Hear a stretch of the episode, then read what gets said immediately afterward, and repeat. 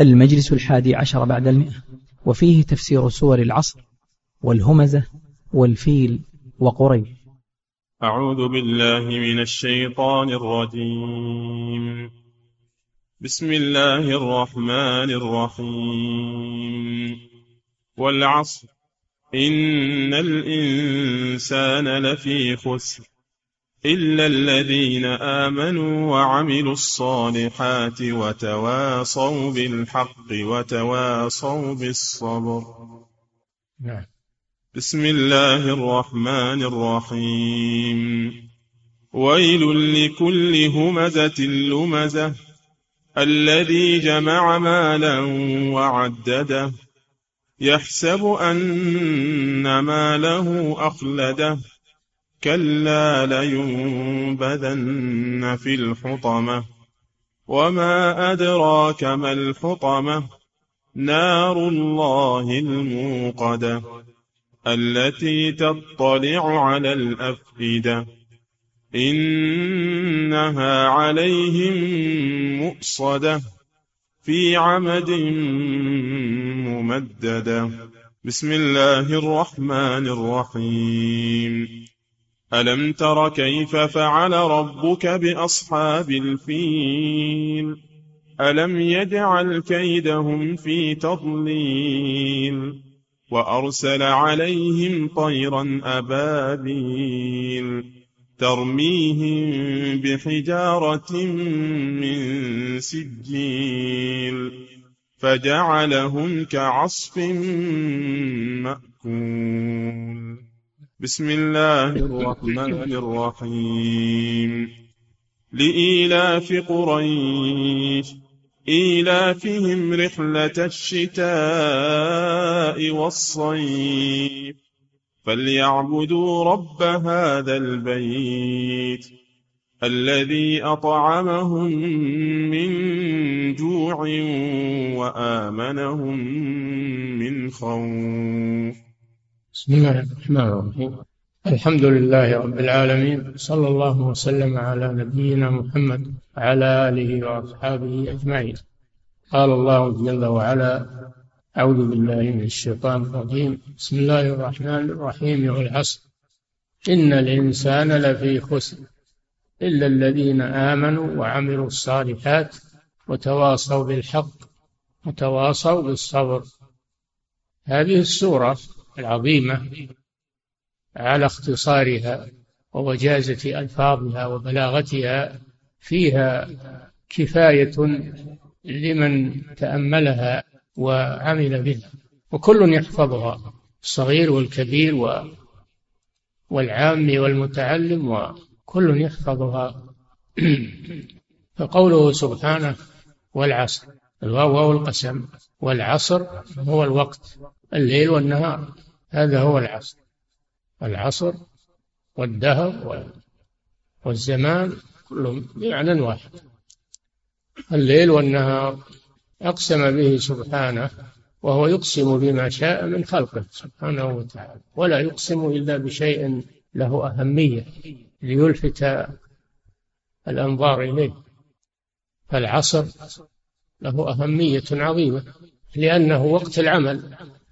زمان العمل زمان العمل الصالح والعمل السيء أيضا. كله يقع في هذا العصر وهو الذي جعل الليل والنهار خلفة لمن أراد أن يذكر أو أراد شكورا.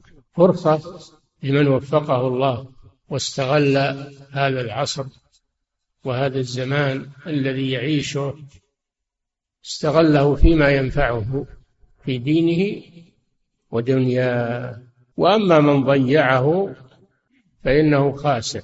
خسارة لا تجبر. من ضيع دهره وعمره حياته باللهو واللعب والغفلة أو بالاشتغال بالدنيا وانصراف عن الآخرة فهو خاسر. مهما كان من الأفراد والدول وكل أحد. إن الإنسان الإنسان عام للملوك والصعاليك والأغنياء والفقراء والأحرار والعبيد والإناث. كل إنسان فهو خاسر. فجواب القسم قوله جل وعلا إن الإنسان لفي خسر. هذا جواب القسم. وهذا يشمل كل إنسان إلا من اتصف بأربع هذه الصفات المذكورة إلا الذين آمنوا آمنوا بالله عز وجل. وأما الذين كفروا وأشركوا فهؤلاء باقون في الخسار لا ينجون منه. إلا الذين آمنوا آمنوا بالله ربا وإلها وبأسمائه وصفاته عبدوه حق عبادته ولهذا قال وعملوا الصالحات. ما يكفي الإيمان بدون عمل. كما أنه لا يكفي العمل بدون إيمان. لا بد من الاثنين الإيمان والعمل. الإيمان والعمل. ولهذا قال ولهذا قال العلماء الإيمان قول باللسان واعتقاد بالقلب وعمل بالجوارح. يزيد بالطاعة وينقص بالمعصية. هذا مذهب أهل السنة والجماعة. أن الإيمان داخل في حقيقة أن العمل داخل في حقيقة الإيمان.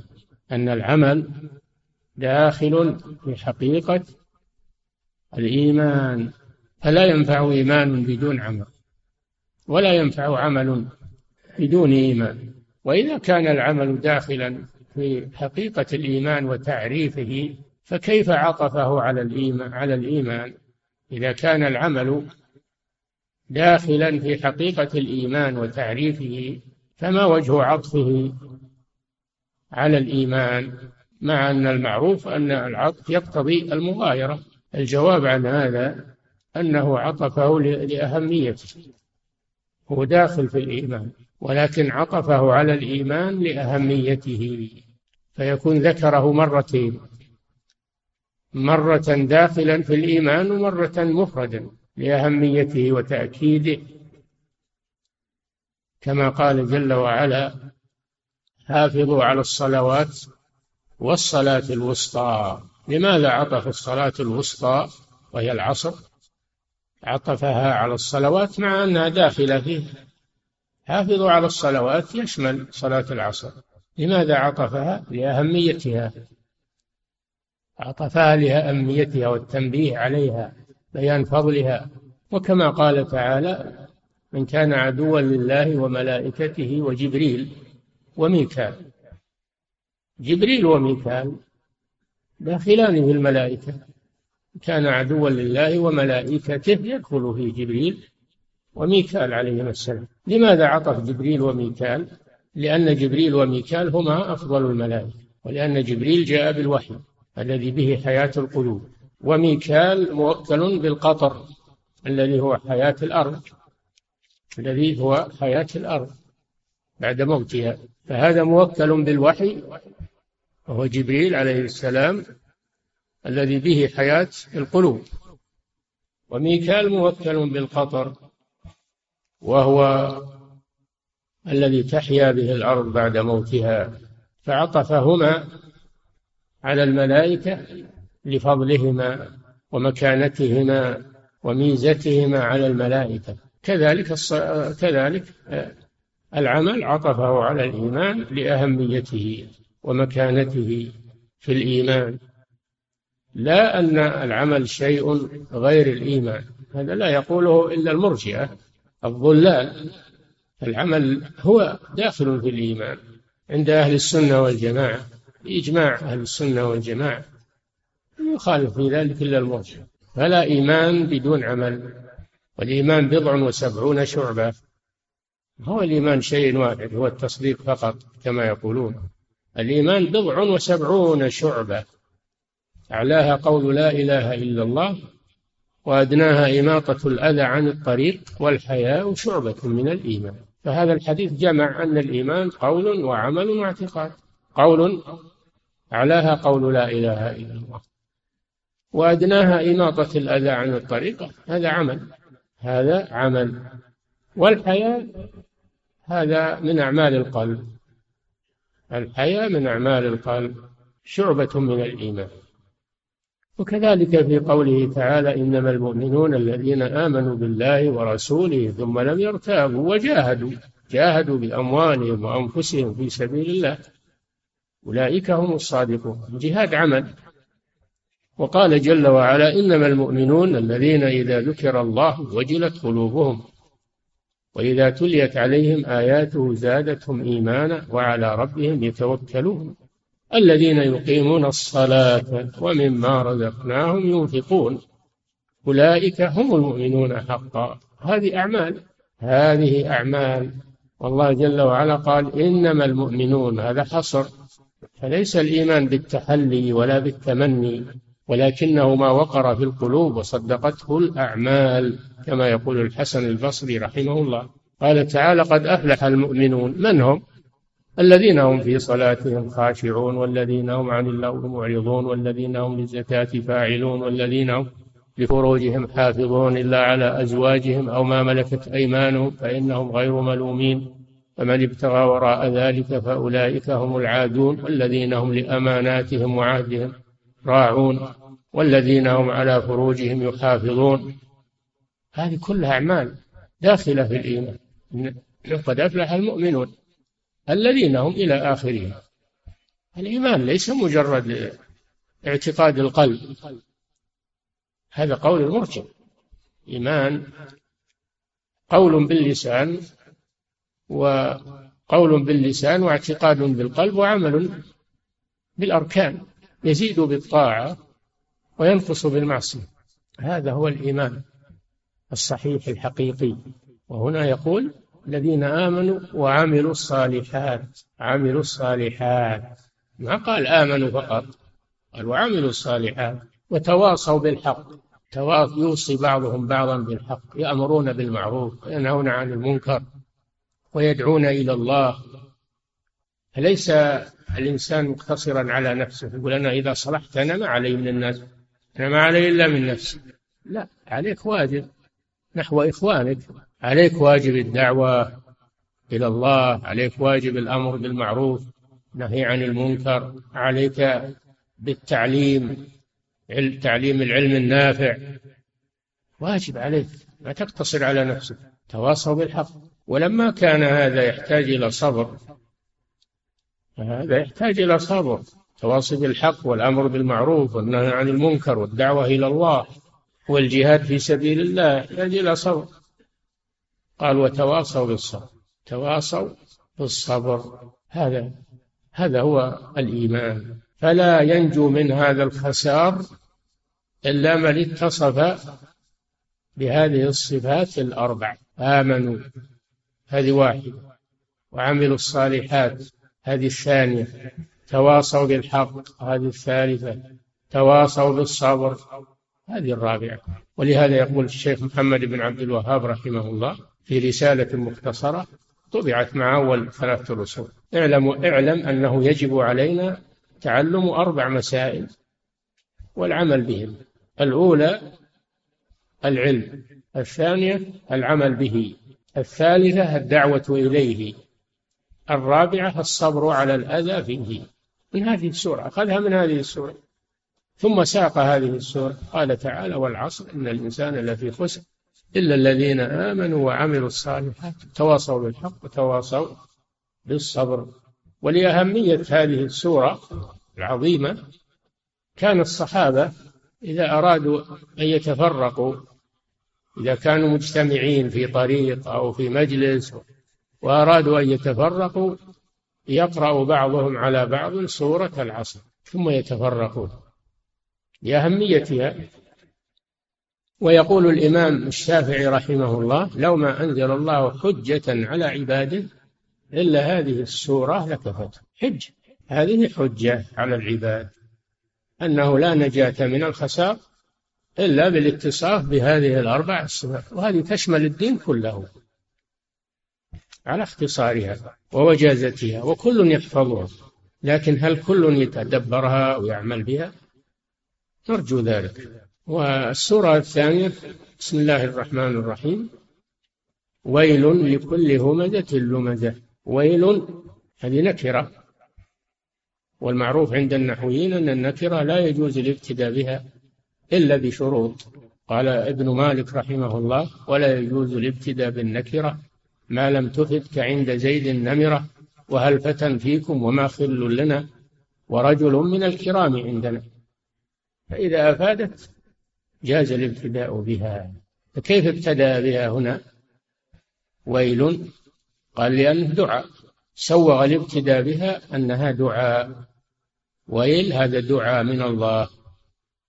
دعاء من الله والويل هو العذاب الشديد يتوعد به من ذكر في هذه السورة.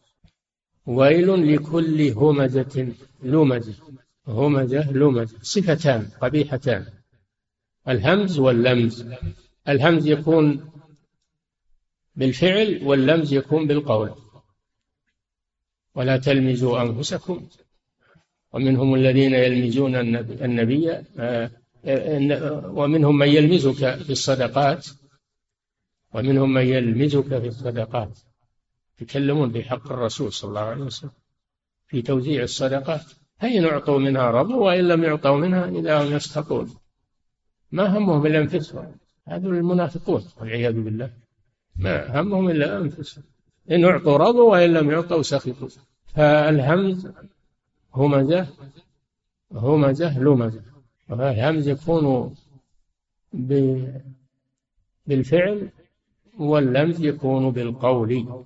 فمن اتصف بهاتين الصفتين أو إحداهما فهو متوعد بهذا الويل الذي يلمز الصدق أي الذي الذي يهمز الناس بيده ولسانه وشفته وعينه واحتقارا لهم والذي يتكلم فيهم ويعيبهم بلسانه هذا متوعد بالويل وهو عذاب أواد في جهنم والعياذ بالله. فالمسلم لا يلمز لا يكون همازا ولا لمازا. يتنزه عن هاتين الصفتين القبيحتين. ويل لكل همزة لمزة. هذه صيغة مبالغة. همزة لمزة صيغة مبالغة. يعني ما همه إلا الهمز واللمس هذا شغلة مع الناس. ثم الصفة الثالثة الذي جمع مالا وعدده ما همه إلا جمع الدنيا وحسابها أو زاد أو ما أو نقص ماله ما همه إلا الدنيا وحساب الدنيا. أما الآخرة فهو غافل عنها جمع مالا. المفروض أن الإنسان ما يجمع المال مجرد جامع وخزن يجمع المال لينفقه في سبيل الله يتصدق ليزكي لينفق على نفسه وعلى من يلزمه مؤونته. المال ما هو للخزن المال للإنفاق. وأنفقوا مما جعلكم مستخلفين فيه. أنفقوا مما رزقناكم. آيات كثيرة. يأمر الله بالإنفاق. أما اللي ما هم إلا يخزن المال يكدسه في الأرصدة ولا ينفع منه أحد فهذا متوعد بالويل والعياذ بالله. الذي جمع مالا وعدده. يحسب أن ماله أخلده. يظن أن هذا المال أنه سيخلده في النعيم وفي الجنة وفي السرور أن ماله أخلده. ما ينفعك المال إلا إذا ما ينفعك المال إلا إذا استعملته في طاعة الله. نفعك نفعك. يصير لك نفع في الدنيا وأجر في الآخرة. هذا هو المال النافع. ونعم المال الصالح للرجل الصالح كما في الحديث. ليس هذا ذما لمجرد جمع المال من وجوهه الصحيحة لكن الجمع الذي لا ينفق منه هذا هو المذموم. جمع فأوعى. جمع المال فأوعى يعني أوكاه ولا يخرج منه شيء. إن الإنسان خلق هلوعا إذا مسه الشر جزوعا وإذا مسه الخير. كلا إنها لظى. تدعو من أدبر وتولى. وجمع فأوعى. جمع المال فأوعى عليه بالأوكية والأرصدة. ولا ينفق منه شيئا. فالجمع الذي لا ينفق منه هذا هو المذموم. أما الجمع الذي ينفق منه هذا محمود والإنسان منهي عن إضاعة المال ومنهي عن التبذير المال. يحفظ ماله يجمع لكن لا يقتصر على جمعه فقط. ما ينفعه شيء بل بل يضره ذلك. الذي جمع ماله وعدده يحسب أن ماله أخلده كلا هذا نفي وزجر هذا نفي وزجر في هذه الكلمة. لينبذن في الحطمة واللام موطئة للقسم. أي والله لينبذن ينبذن يعني يطرحن في الحطمة. الحطمة ما هي؟ النار. ما ينفعه ماله. اللي جمع ماله وعدده. هذا لينبذن في الحطمة يوم القيامة. يطرحن في النار. والحطمة من أسماء النار والعياذ بالله. جهنم والسعير والحطمة والقارعة. لها لها أسماء كثيرة. لينبذن في الحطمة. ثم فسرها. قال وما أدراك ما الحطمة؟ هذا تفخيم لشأنها تهويل من أمرها. فسرها بقوله نار الله الموقدة. هذه الحطمة. نار الله الموقدة. وأضافها إلى نفسه. أضافها إلى نفسه. ما ما هي بنار زيد ولا عمر تطفى وتزول. لا نار الله. الله هو الذي خلقها وهو الذي يمدها ويوقدها. توقدها الملائكة. خزنة جهنم بأمر الله عز وجل. نار الله موقدة. صفتان. نار الله هل يقدر أحد أن يطفئ نار الله؟ ما أحد يقدر أن يطفئ. لو جبت إطفاءات الدنيا كلها من أولها إلى آخرها. ما ما قفل. لأنها نار الله سبحانه وتعالى. أما لو كانت نارا لفلان أو لفلان يمكن إطفاؤها بسهولة. نار الله الموقدة توقدها الخزان والعياذ بالله. وقودها الناس والحجارة. الناس جثث الكفار والحجارة حجارة من كبريت. والعياذ بالله أشد اشتعالا. نار الله الموقدة. التي تطلع على الأفئدة يصل حرها إلى القلوب. ما بالجلد فقط. مثل نار الدنيا تلسعك ما جلد. لا هذه تطلع على القلب والعياذ بالله. يجد حرها في قلبه يحترق قلبه لكنه لا يموت. ما يموت. يصل العذاب ولا يموت. لا يموت فيها ولا يحيا.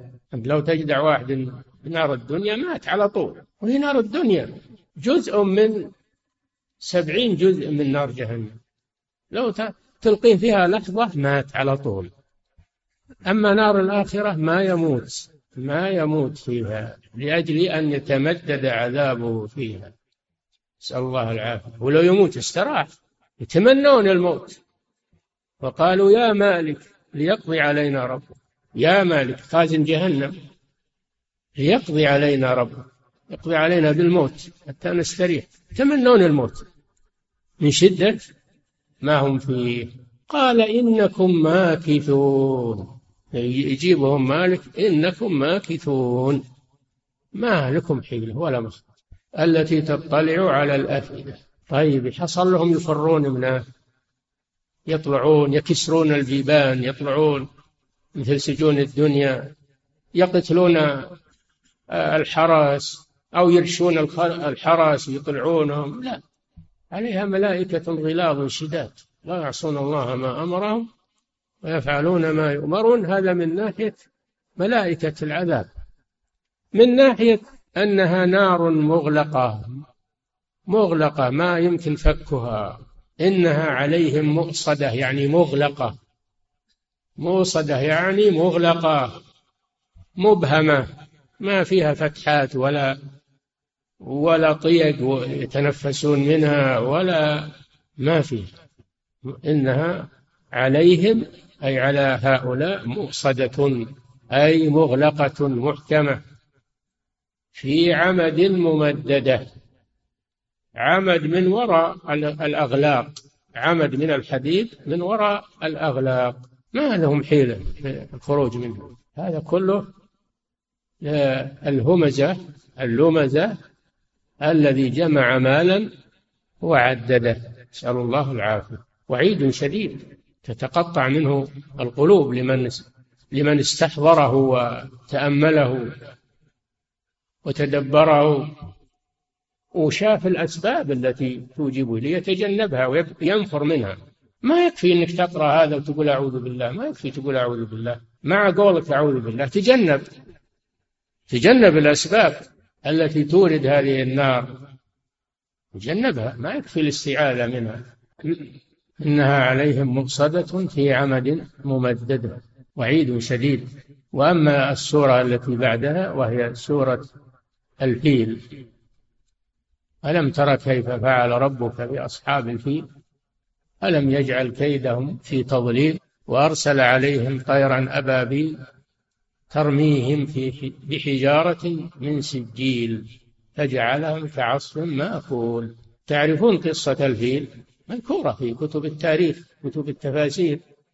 وذلك أن أبرهة ملك الحبشة وكان ملكا جبارا قويا نصرانيا نصراني وبنى كعبة عنده في اليمن.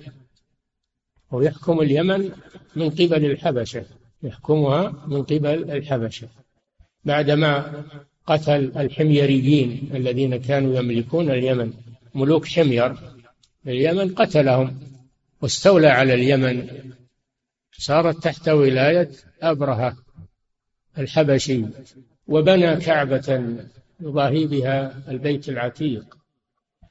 يريد أن يصرف الناس عن البيت الذي هو شرف العرب وعز العرب. أن يصرفهم إلى كعبته. ولما رأى أن الناس لا لا يقبلون هذا لا يقبلون كعبة أبرة ولا يلتفتون إليها ويتعلقون ويذهبون إلى الكعبة المشرفة إلى بيت الله العتيق. أراد أن يهدم الكعبة حتى ما يكون هناك إلا الكعبة التي بناها فجمع جيشا عظيما. لهدم الكعبة المشرفة. جيشا عظيما قويا ومعه أفيال فيلة يريد هدم الكعبة وجاء قاصدا إلى مكة من اليمن. وكان لا يمر بحي من أحياء العرب إلا حطمه. لا يقف في وجهه أحد. ما يقف في وجهه أحد. لقوته وجبروته وبطشه إلى أن وصل إلى مكة. وصل إلى المغمر مكان في مكة وعسكر فيه بقوته وفيله العظيم. والعرب كلهم لجأوا إلى الجبال ما لهم حيلة أهل مكة ومن حولهم لجأوا إلى الجبال ما لهم حيلة فيه. ولم يبقى إلا المباشرة أنه يباشر هدم الكعبة بزعمه يعني. فأخذ إبلا وجدها أخذ إبلا وجدها للعرب من أهل الحجاز وفيها إبل لعبد المطلب جد الرسول صلى الله عليه وسلم. جاء عبد المطلب إليه فطلب منه أن يعطيه إبلة طلب منه أن يعطيه إبلة. فقال أنت من أول أعز عندي من من هذا. الحين أنا جاي أخدم بيتا هو عزك وعز آبائك. وتطلبني الإبل. هذه همتك قال أنا رب الإبل وللبيت رب يحميه. صارت كلمة عظيمة على على الألسنة إلى الآن. أنا رب الإبل وللبيت رب يحميه. ثم أخذ الإبل وذهب يدعو الله عز وجل ويتضرع إليه. كما هو مذكور في السياق تضرع إليه ويدعوه. فلما أراد الجبار هدم الكعبة والمباشرة الفيل الذي معه برك ولم يتوجه إلى الكعبة. إذا أقاموه ووجهوه إلى غير الكعبة هرول. وإذا وجهوه إلى الكعبة برك حبسه الله عز وجل. بينما هم كذلك إذ جاءتهم فرقان من الطير. فرقان من الطير من جهة البحر طيرا أبابيل. أبابيل يعني جماعات جماعة بعد جماعة مسلحة بالحجارة. كل طائر معه ثلاثة أحجار. حجر في منقاره وحجران في رجليه. فلما توسطت القوم حصبتهم فصارت الحجارة تدخل من دماغه وتخرج من دبره. حتى أتت عليهم جميعا. أتت عليهم جميعا. وأهلكهم الله سبحانه وتعالى وحمى بيته منهم. هذه قصة الفيل. وفي هذه السورة يذكرها الله سبحانه وتعالى. قال جل وعلا ألم ترى ألم ترى يا محمد؟ يعني قد علمت الرؤية هنا معناها العلم. وإلا فالرسول ما حضر هذا العام ولد فيه الرسول صلى الله عليه وسلم. الرسول ولد عام الفيل. ما حضر هذه لكن قولها ألم ترى يعني قد علمت رؤية العلم. ألم ترى كيف فعل ربك بأصحاب الفيل هذا خطاب للرسول صلى الله عليه وسلم. وقيل إنه خطاب لكل من يعقل. ألم ترى كيف فعل ربك بأصحاب الفيل ألم يجعل كيدهم في تضليل؟ ضياع. كيدهم اللي جاءوا به والهول اللي جاءوا به صار ضلال ضاع. أمام بأس الله سبحانه وتعالى. الله ما أنزل عليهم جنود ولا أنزل عليهم دبابات ولا أسلحة فتاكة. أرسل عليهم طير طير صغار معها حجارة حجارة صغيرة قدر الحمص. الواحدة قدر الحمص. صغيرة جدا. لكنها من النار والعياذ بالله. ما هي حجارة عادية حجارة من النار. فألم ترى كيف فعل ربك بأصحاب الفيل؟ قالوا وهذه الحادثة هذه إرهاص لبعثة الرسول صلى الله عليه وسلم لأنه ولد في هذا العام فهذا إرهاص للبعثة النبوية. ألم تر كيف فعل ربك بأصحاب الفيل؟ ألم يجعل كيدهم؟ يعني قد. الاستفهام هنا معناه التقرير ألم يجعل؟ يعني قد جعل. قد جعل كيدهم في تضليل. كيد عظيم قوة هائلة جعلها الله ضائعة لا قيمة له. قابلها أي شيء؟ قابلها طير. صغار ما ما قابلها مثلهم جنود وأسلحة نعم الله جل وعلا ولله جنود السماوات والأرض. حتى البعوض من جنود الله سلطها البعوضة. سلطها الله جل وعلا. الجراثيم اللي يقولون المرض هذا هذا يسلطها الله يقتل الناس من جنود الله سبحانه وتعالى. الله له جنود السماوات والأرض. ألم يجعل كيدهم في تضليل وأرسل عليهم طيرا؟ ما أرسل عليهم ملائكة ولا جنود أقوى منهم ولا أسلحة. أرسل عليهم طيرا.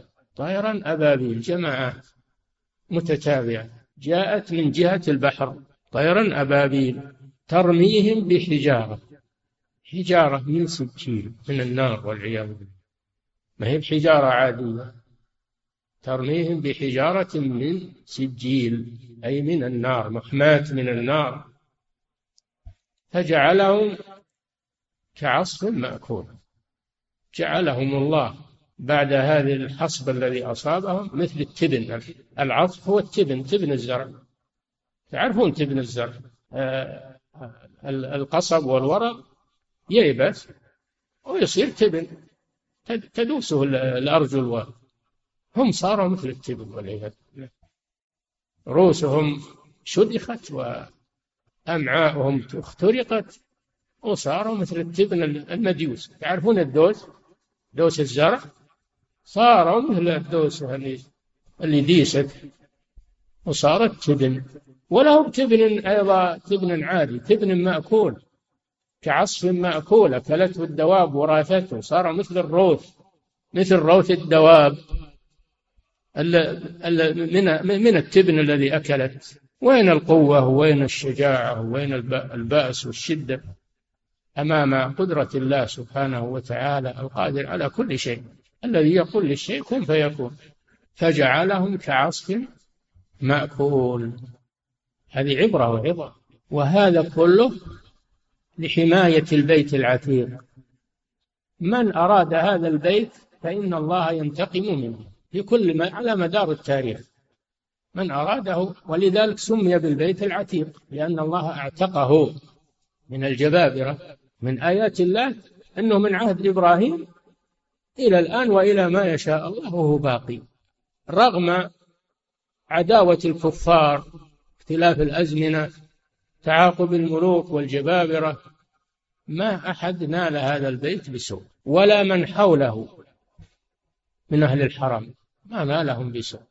وهذا من آيات الله سبحانه وتعالى.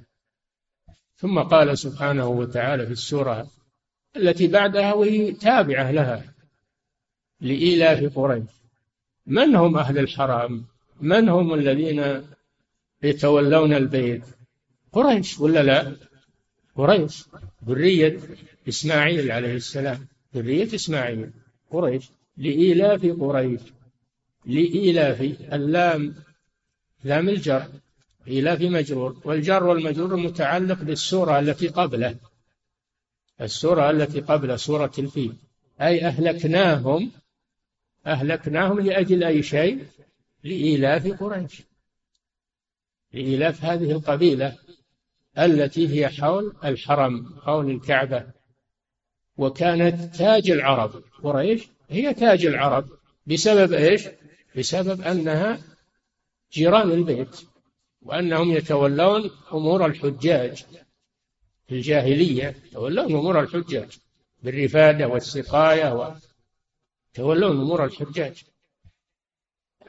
لإيلاف قريش.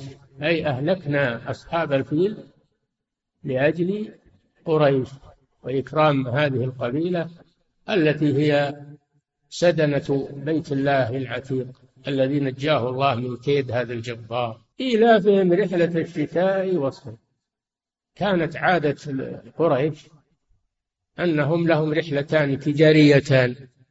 من لأن مكة ما فيها شيء. واد غير ذي زرع ما فيها شيء.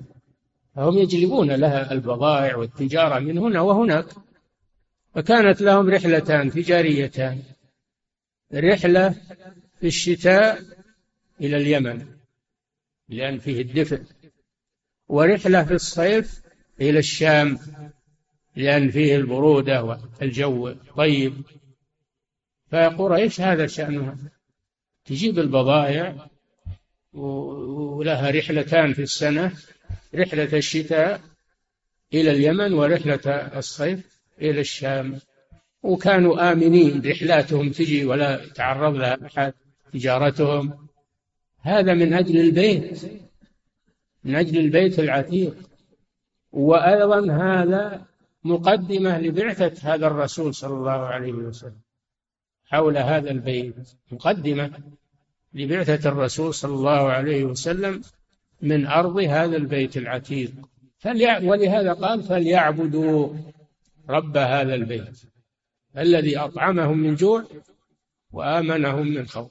ليعبدوا رب هذا البيت. شوف ما قال ليعبدوا هذا البيت؟ بل قال يعبدوا رب هذا البيت. العبادة لله. وأما البيت فهو مكان للعبادة مسجد. مكان للعبادة. وأما العبادة والمعبود فهو الله سبحانه وتعالى. فليعبدوا رب هذا البيت. الذي حماه الله وصانه من الجبابرة وأبقاه وهو شرف قريش وشرف العرب فليعبدوا رب هذا البيت الذي أطعمهم من جوع وآمنهم من خوف وفر لهم الأرزاق وأيضا وأمنهم من الخوف. من أرادهم بسوء فإن الله بسبب البيت سبب جوارهم للبيت وآمنهم من خوف.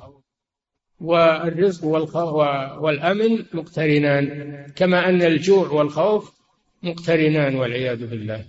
الأمن والرزق مقترنان أطعمهم من جوع وأمنهم من خوف. والجوع والخوف مقترنان.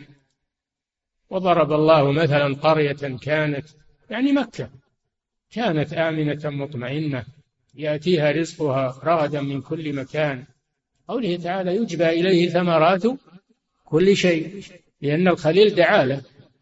رب اجعل هذا بلدا آمنا وارزق أهله من الثمرات. فالله جل وعلا وفر لهم الأمن ووفر لهم الرزق ولكن لما بعث رسول الله صلى الله عليه وسلم وكفروا به وأخرجوه من مكة ماذا أحل الله به؟ وضرب الله مثلا قرية كانت آمنة مطمئنة. يأتيها رزقها رغدا من كل مكان فكفرت بأنعم الله. فأذاقها الله لباس الجوع والخوف بما كانوا يصنعون ولقد جاءهم رسول منهم يعني محمد صلى الله عليه وسلم. فكذبوه أخذهم العذاب وهم ظالمون. فالنعم إذا لم تشكر فإنها تنقلب إلى ضدها. تنقلب إلى نقم والعياذ بالله. ولم ينفعهم لما عصوا الرسول وكفروا به وأخرجوه لم ينفعهم أنهم جيران البيت بل أبدلهم الله بغيرهم. وفتح له وفتح لرسوله صلى الله عليه وسلم مكة وولاه عليها. فصارت في قبضة المسلمين والحمد لله. والله تعالى أعلم وصلى الله وسلم على نبينا محمد وعلى آله وأصحابه أجمعين. يقول فضيلة الشيخ وفقكم الله. يقول قياسا على قراءة سورة قاف في خطبة الجمعة هل يجوز الاقتصار في خطبة الجمعة على سورة العصر لأنها سورة جامعة كافية؟ الرسول صلى الله عليه وسلم لم يحدد ما يقرأ في خطبة الجمعة من القرآن لم يحدد هذا. فإن قرأ بسورة قاف ما هو بيقرأها كلها يقرأ منها في كل جمعة يقرأ منها أو من غيرها. ما يناسب موضوع الخطبة. ما يناسب موضوع الخطبة. نعم. فضيلة الشيخ وفقكم الله. يقول هل نقول عطف العمل على الإيمان من باب عطف الخاص على العام؟ وإذا كان كذلك فتكون الصفات ثلاث. قد ذكرها الله في سورة العصر وليست أربعة. الإيمان واحدة والعمل اثنين والدعوة إليه ثلاث والصبر على الأذى فيه أربعة. ليش نجعلها ثلاثة وهي أربعة في القرآن؟ في السورة نفسها. نعم. فضيلة الشيخ وفقكم الله في قول الإمام الشافعي رحمة الله عليه لو ما أنزل الله على خلقه إلا هذه السورة لكفتهم. حجة حجة. لو ما أنزل الله ما يكفتهم من جهة العمل والشريعة. لا يكفي في الاحتجاج عليهم يوم القيامة. نعم. والعمل يكون بالشرع المنزل. المفصل في القرآن وفي السنة. نعم. فضيلة الشيخ وفقكم الله. يقول هل يجوز لنا الآن أن نقرأ سورة العصر إذا اجتمعنا في مكان في مكان ما كما كان يفعل الصحابة؟ ما هم يقرؤونها في الاجتماع يقرؤونها عند التفرق. تواصوا بالحق وتواصوا بالصبر. نعم. فضيلة الشيخ وفقكم الله. يقول هل الحجارة التي في النار قد تكون أيضا من الأصنام لقوله سبحانه إنكم وما تعبدون من دون الله حصب جهنم. نعم. نعم الأصنام تكون في النار أيضا مع أصحابها الذين عبدوها وتكون أيضا من غيرها. نعم. فضيلة الشيخ وفقكم الله يقول حصل حصل نقاش حفظك الله في مسألة أن الأصل في المسلم هو العدالة.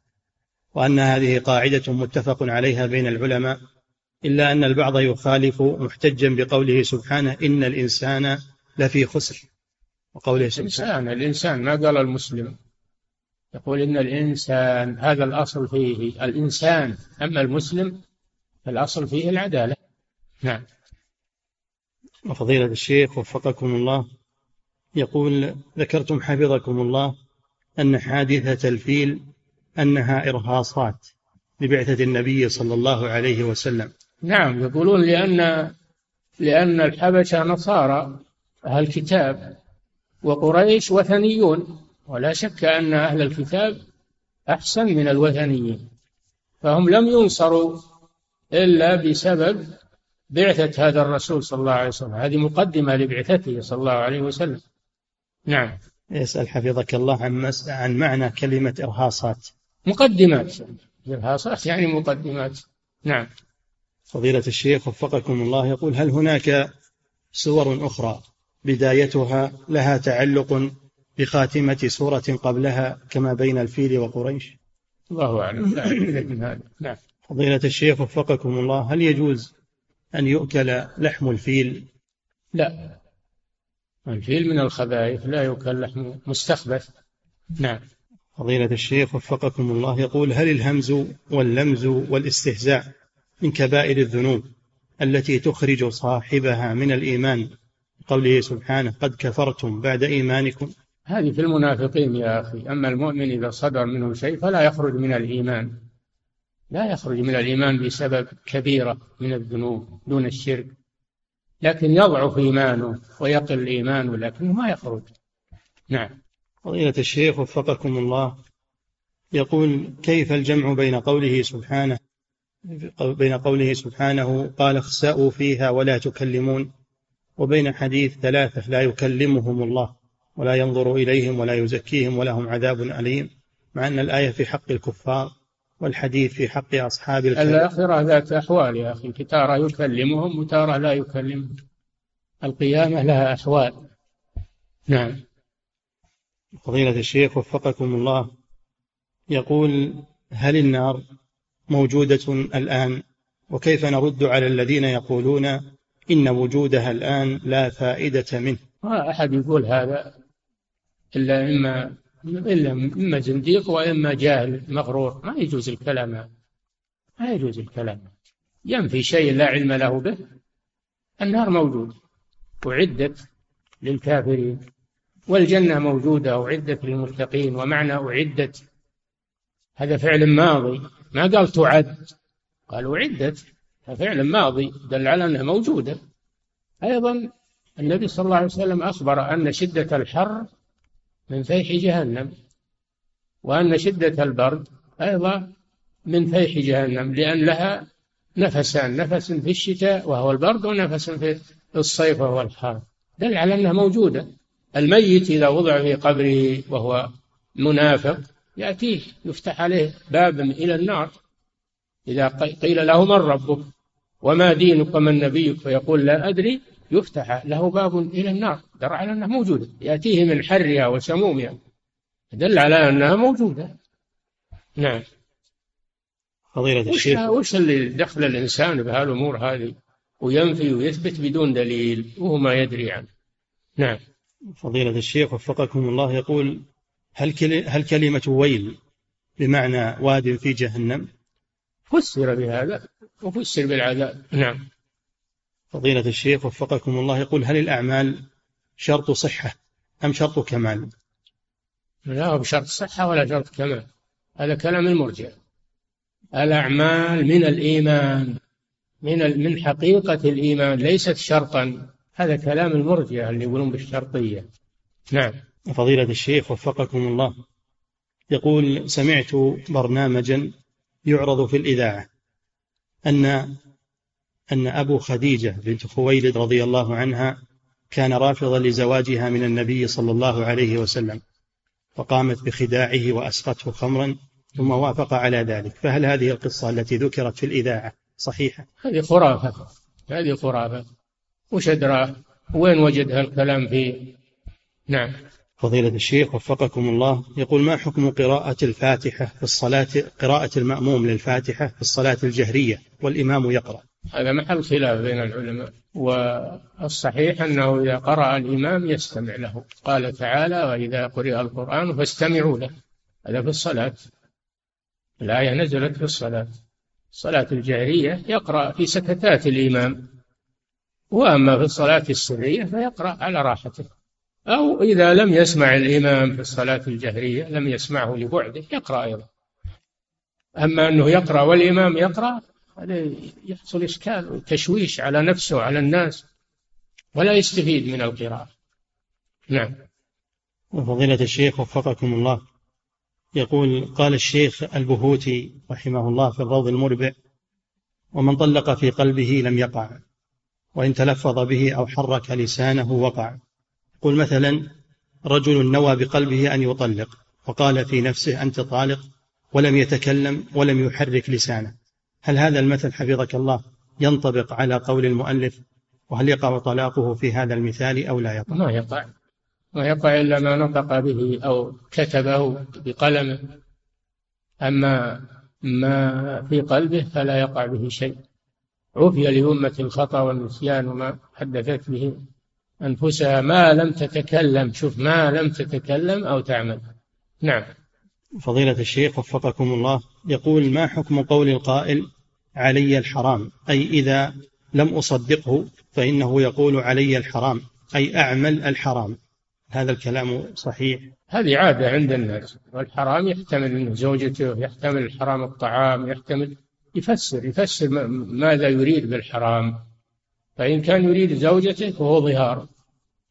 إن كان يريد طعام أو لباس يصير يمين مكفرة. إن صار ما نوى لا لا زوجته ولا طعام ولا شراب ولا غير ذلك يحمل على أنه يمين مكفرة. نعم. فضيلة الشيخ وفقكم الله يقول حفظك الله يقول في دولتنا السائل يقول في دولتنا يوجد أحزاب وانتخابات فهل يجوز لنا أن نشارك لأجل اختيار الأصلح والأخف ضررا على ديننا؟ ليس هذا من الإسلام. الإسلام ما فيه انتخابات. الإسلام يختار الوالي ببيعة أهل الحل والعقد من الرعية من العلماء وأصحاب المشورة في الدولة والبقية تبع لها. بقية الناس تبع لأهل الحل والعقد. هذا في الإسلام ما في انتخابات. نعم. هذا نظام غير إسلامي. نعم. فضيلة الشيخ وفقكم الله يقول هل يجوز للرجل أن يعطي زكاة ماله لابنته المتزوجة الفقيرة هي وزوجها؟ لا. ما يعطيها لابنته ولا لابنه ولا لذريته ولا لأولاد أولاده. ولا لآبائه وآباء آبائه ما يعطيها لفرعه ولا لأصله. لأنه يجب عليه أن ينفق عليهم. إذا كانوا محتاجين يجب عليه أن ينفق عليهم. ما يعطيهم الزكاة علشان يسلم من نفقتهم لا. يجب عليه ينفق عليهم. نعم. وكذلك حفظك الله يقول هل يجوز إعطاء الزكاة للإخوان والأخوات؟ إذا كانوا محتاجين ولهم أولاد يحجبونه عن الإرث منهم فلا بأس. نعم. فضيلة الشيخ وفقكم الله يقول هل جاء أن من تعسر عليه أمر فقرأ قوله سبحانه وقالوا حسبنا الله سيؤتينا الله من فضله ورسوله؟ ما أعرف هذا ما أدري. نعم. يقول وهل سمعتم حفظك الله أن الشيخ بن باز رحمه الله كان يكرر هذا؟ ما سمعت ما أدري. نعم. فضيلة الشيخ وفقكم الله يقول ما حكم تعليق جلد الذئب لطرد الجن؟ نعوذ بالله. هذا من اعتقاد الجاهلية. مجيء بالذئب أو شيء من جلده أو من أعضائه. هذا من أمور الجاهلية. نعم. فضيلة الشيخ وفقكم الله. يقول بعض الناس يصلي بين الأذان والإقامة. ها؟ بعض الناس يصلي بين الأذان والإقامة في صلاة الظهر والعصر أكثر من عشر ركعات ويقول إن بين كل أذانين صلاة. فهل فعله صحيح أم أن الأفضل أن يقتصر على ما ورد في السنة من السنن الرواتب؟ العصر ما لها راتبة قبلها ولا بعدها. يصلي ما تيسر له. ورد الحديث من صلى أربعا قبل العصر بنى الله له بيتا في الجنة. فإذا صلى أربعا أو ركعتين أو زاد على أربع المجال مفتوح والحمد لله. لو صلى من من الأذان إلى الإقامة ما في بأس. زيادة خير. نعم. حفظك الله الاستمرار على عدد معين عشر ركعات باستمرار. استمرار لا إلا بدليل. نعم. فضيلة الشيخ وفقكم الله يقول هل النظر من الصغائر التي تكفرها الصلوات الخمس والوضوء صيام عاشوراء وعرفة؟ نعم. النظر معصية إذا قصده صار معصية وهو من الصغائر تكفر بالصلوات الخمس والجمعة المكفرات. نعم. فضيلة الشيخ وفقكم الله يقول لماذا يفرق في الجمع بين الصلاتي الظهر والعصر وبين العشاء والمغرب بالنسبة للمطر؟ فلا يجمع في الظهر والعصر؟ ما ورد هذا. ما ورد الجمع بين الظهر والعصر. وأيضا الظهر والعصر الناس في أعمالهم يطلعون لأعمالهم. خلاف المغرب والعشاء إنهم يكونون منتهين من أعمالهم ويحتاجون إلى الدفء وإلى الكن في بيوتهم. بينهما فرق. نعم. يقول فضيلة الشيخ وفقكم الله يقول ذكرتم أن الذي يختار الإمام أهل الحل والعقد. يقول ما المراد بأهل الحل والعقد هنا؟ بيناهم قلنا العلماء و آه الذين لهم رأي في الدولة من من الأكابر وأهل الرأي والمشورة نعم. فضيلة الشيخ وفقكم الله يقول بعض الناس يقول أذكار الصباح والمساء وهو في المسجد ثم إذا انتهى منها نفث بيديه ثم مسح بهما جسده. فهل هذا فعل مشروع؟ هذا عند النوم الذي ورد إنه عند النوم أما في غير النوم ما, ما أعرف إنه ورد. نعم. فضيلة الشيخ وفقكم الله يقول هل بول الطفل نجس؟ وهل إذا جلس على السجادة التي أصلي عليها أنا وعليه بول؟ أو لمس جسدي هذا الطفل وفيه بول فهل أقطع الصلاة؟ وهل أغسل المكان الذي أصابه ذلك؟ الطفل إن كان بنت جارية فهو مثل بول الكبيرة يغسل مثل غسل بول الكبير ثلاث مرات أو سبع مرات حتى يزول. أما إن كان ذكرا ولم يأكل الطعام مقتصر على الرضاع فهذا يكفي رشه بالماء نضحه بالماء نجاسة مخففة. هذا بالنسبة للطفل الذكر الذي لم يأكل الطعام. يرش بالماء أو ينضح بالماء ويكفي هذا. بقية السؤال؟ يقول وهل أغسل السجادة التي إن كان النجاسة رطبة فإنها تنجس ما لامسته. وإن كانت النجاسة يابسة فلا تضر نعم. فضيلة الشيخ وفقكم الله يقول هل يجوز القسم بقولنا ورب المصحف؟ ما ورد هذا. ما ورد هذا. نعم. فضيلة الشيخ وفقكم الله رجل طلق امرأته ثم تزوج بأخرى فهل أولاد الزوجة الجديدة محارم لزوجته المطلقة ولأمها؟ محارم لزوجته المطلقة أما أمها ما لهم بها صلة. نعم. أمها بالنسبة للزوج الذي طلق بالنسبة للمطلق تبقى محرما طول الحياة وأما بالنسبة لأولاده فليس لهم علاقة بها ليسوا محارم لها إنما هم محارم لزوجته المطلقة فقط نعم فضيلة الشيخ وفقكم الله الذي يريد أن يضحي هل يمسك هل يمسك عن قص الشعر وتقريم الأظافر ليلة اليوم الأول من العشر أم بعد طلوع الفجر منه؟ إذا دخلت العشر في الحديث إذا دخلت العشر والدخول العشر برؤية الهلال. نعم. فضيلة الشيخ وفقكم الله يقول إذا كنا إخوة في شقق متفرقة ولكن حوشنا واحد وساحتنا واحدة هل يكفي عنا أضحية واحدة؟ لا كل بيت له حكمه. يتابع للنفقة. إن كان نفقتكم واحدة تكفيكم أضحية واحدة. أما إن كان كل واحد ينفق على بيته فكل واحد يشرع له أن يضحي عن أهل بيته. نعم. فضيلة الشيخ وفقكم الله يقول أنا شاب يبدأ عملي بعد الفجر مباشرة وأعود إلى المنزل بعد الظهر فأتغدى ثم أنام وأحيانا أنام عن صلاة العصر وتفوتني صلاة الجماعة ولا أتعمد ذلك. فهل أنا آثم بهذا الفعل؟ إذا كنت تعلم أن أنه سيأتي عليك العصر وأنت نايم واستمريت على هذا وصار عادة تأثم على هذا. أما إن وقع بعض الأحيان أنت حريص على القيام للعصر ولكن بعض الأحيان يغلبك النوم فأنت معذور في هذا. يعني ما هو بعادة ولا مستمر. نعم. فضيلة الشيخ وفقكم الله. يقول ما حكم المسابقة في الأبحاث الكيميائية؟ وهل المسابقة جائزة في القرآن فقط وليس في غيره؟ المسابقة الأصل الجائزة بما ورد به الحديث. لا سبق إلا في نصل أو خف أو حافظ المسابقة على الخيل المسابقة على الإبل بقصد الجهاد. ما هو بقصد الدراهم والعبث؟ لا قصد الجهاد يتدرب على الجهاد عليها أو الرماية أو نصل وهو الرماية. إذا كان قصد الجهاد في هذا والتدرب على الجهاد فتباح السبق. أما أن يتخذ هذا كسب ولا يقصدون الجهاد وإنما يقصدون الجائزة فقط. هذا لا يجوز. يدخل في القمار. وابن القيم رحمه الله ألحق تعلم القرآن والجائزة على حفظ القرآن وتلاوته ألحقها بالجهاد في سبيل الله. يجوز أخذ الجائزة على القرآن والمسابقة القرآنية. لأن هذا من الجهاد لأن طلب العلم من الجهاد في سبيل الله. يقول كذا الله أعلم. نعم. فضيلة الشيخ وفقكم الله يقول هل يجوز للمرأة أن تغير شعرها الأسود إلى ألوان أخرى؟ لا الأسود لا يغير ما له داعي تغيير لأنه جميل.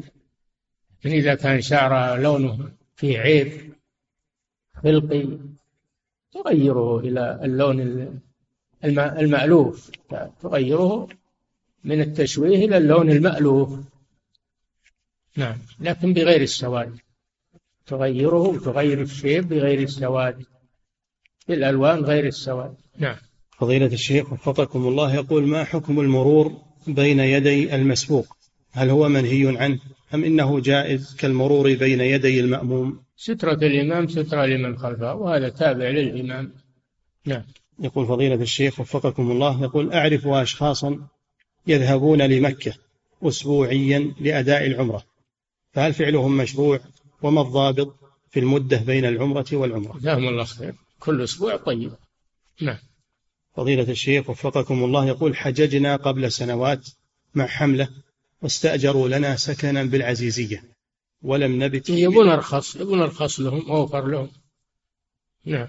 الحج صار تجارة الآن ما هو عبادة الواجب على الحجاج أنهم يشترطون عليهم يسكنونهم في منى. ولو زادوا عليهم بيه. يعني حجاج يريدون الحج والأجر لو زاد عليهم يحملون. واللي ما يستطيع يتحمل لا يحج. هو يترخص ياخذ حج الرخيص علشان إنه فقير أو على لا.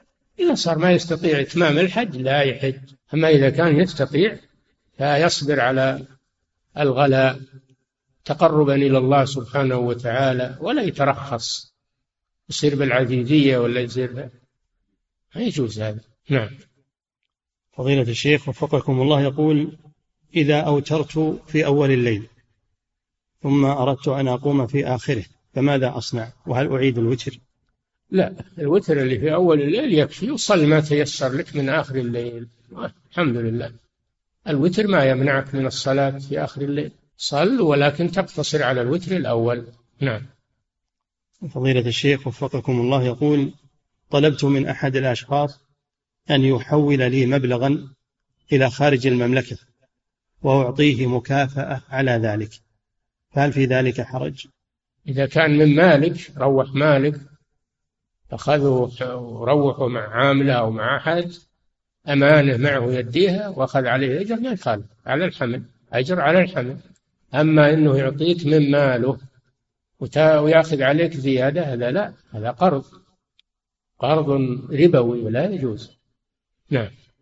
فضيلة الشيخ وفقكم الله يقول إذا أذن عدد من المؤذنين في عدة مساجد في وقت واحد فأيهما أو فأيهم الذي يردد خلفه؟ الذي الذي تسمعه سماعا واضحا اللي تسمعه قريبا منك سماعا واضحا تتابعه. نعم.